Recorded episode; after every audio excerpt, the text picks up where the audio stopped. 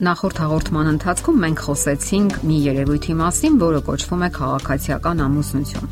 Շատ զույգեր այդպես էլ չեն ամուսնանում, անընդհատ հետաձգելով պաշտոնական ամուսնությունը։ Նրանք կանոնավոր հանդիպում են, արկա է սեռական հարաբերություն, սակայն մնում են զուգընկերների կամ որ շատ վատ է սիրեկանների կարգավիճակում։ Նրանք դա տարբեր կերպ են մեկնաբանում։ Ոմանք դա բացատրում են իրենց ունեցած ազատությամբ, ոմանք որ թղթի կտորը չէ, որ երաշխավորում է իրենց ամուսնությունը կամ որ իրենք վեր են կանգնած նման մանրուքներից։ Ասենք միանշանակ, որ ոչ մի բացատրություն չի կարող արդարացնել այդ օրինակ կարգավիճակը։ Շատ փաստեր կան, որոնք հաստատում են նման կապերի կասկածելի բնույթը եւ որ դա երկուստե քղի է վերջնական բաժանությամբ։ Չէ որ կողմերից ոչ ոք հոգու խորքում լուրջ չի ընդունում այդ կապը եւ երկուսն էլ պատրաստ են ցանկացած պահի լքելու միմյանց, հենց որ հորիզոնում հայտնվի ավելի հարմար տեխնացու։ Հայտնի է նաև, որ պաշտոնական ամուսնությունից հրաժարվում են նրանք, ովքեր ունեն տարբեր վախեր ամուսնության հանդեպ կամ ովքեր արդեն մեկ անգամ ամուսնացած են եղել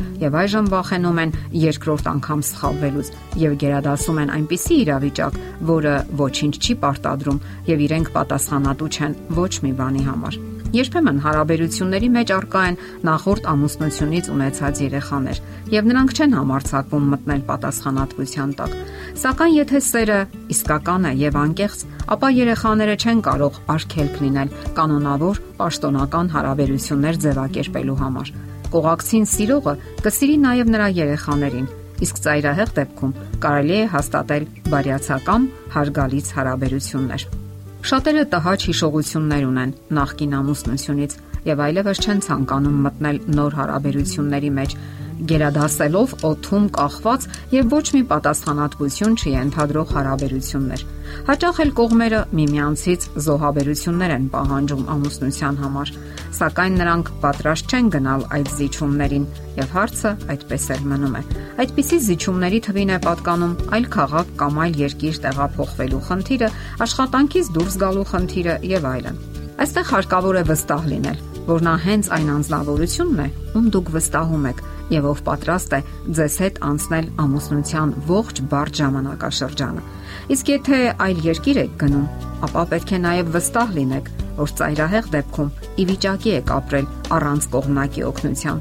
Իսկ եթե նա ձեզ լքի, կարող եք ապրել ձեր աշխատավարձով, գոյատևել ձեզ համար անծանոթ միջավայրում։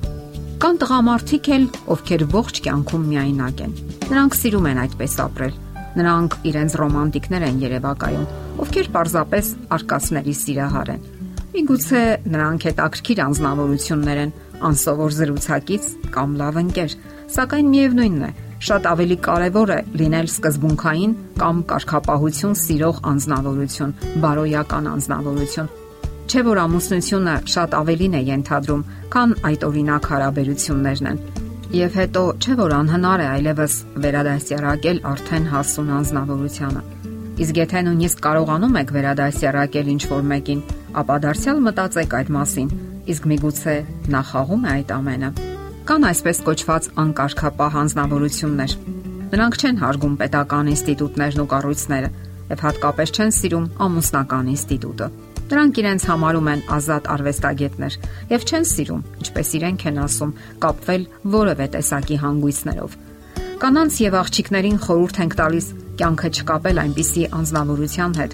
ով չի հարգում պետական կառույցներն ու ինստիտուտները, առանց որոնց անհնար է պատկերացնել հասարակական կյանքն ու հասարակական կարգապահությունը։ Նրանք նույն ձևով անտարբեր կգտնվեն նաև ամուսնական հանգույցների հանդեպ իսկ արդյունքում դժում են այդ ամենի հետ ոչ մի կապ չունեցող անմեղ արարածները, երեխաները։ Էնպես որ, եթե աղջիկները երազում են գեղեցիկ հարսանեկան տորթեր ու մոմեր, պայծառ հրավառություն եւ գեղեցիկ ամուսնական զգեստ, հարսանեկան գեղեցիկ սեղան, ապա պետք է որոնեն այնպիսի անznավորության, ում համար կարևոր է ամուսնության ավանդական ձևը։ Այլ թակարդներ եւս կան, որոնց մասին անհնար է խոսել մի քանի հաղորդման ընթացքում։ Բավական է հենց միայն այն, որ նա ձեզ չի գնահատում որպես հավանական տեխնացու, որի հետ կարող է անցկасնել իր ողջ կյանքը։ Նա պարզապես օգտագործում է ձեզ, ձեր հնարավորությունները, միգուցե նաև նյութական ոլորտը։ Հնարավոր է նա թերարժեք է։ Այդ դեպքում դուք պետք է քաջալերեք նրան եւ հույս տաք, որ միասին շատ բարձունքներ կարող եք նվաճել։ Եթե սովորական թվաբանության մեջ 1-ին գումարած 1 հավասար է 2, ապա ամուսնական կառույցում 1-ին գումարած 1 հավասար է 11։ Պարզապես հիշեք, հավասարազոր հարաբերություններում դուք ներդնում եք ձեր ողջ ներուժը՝ ֆիզիկական, մտավոր եւ հոգեվոր։ Դա է երջանիկ եւ ներդաշնակ միաբանության միակ հնարավոր եղանակը։ Հակառակ դեպքում տղամարդ թեկին ձեզ օգտագործում են իրենց շահերի համար։ Իսկ թե ինչպիսի շահեր են դրանք, դուք որոնեք եւ կգտնեք։ Թույլ մի տվեք օգտագործել ձեզ եւ որոնեք ավելի պատասխանատու մեկին, ով չի վախենում ձեզ հետ անցկасնել իր կյանքի դժվարին ուղին, ով գնահատում է ձեզ եւ ցանկանում է կապել իր կյանքը հենց ձեզ հետ, այլ ոչ թե հարմար առիթի է սպասում, որpիսի վազի մեկ այլ թիթեռնիկի հետևից։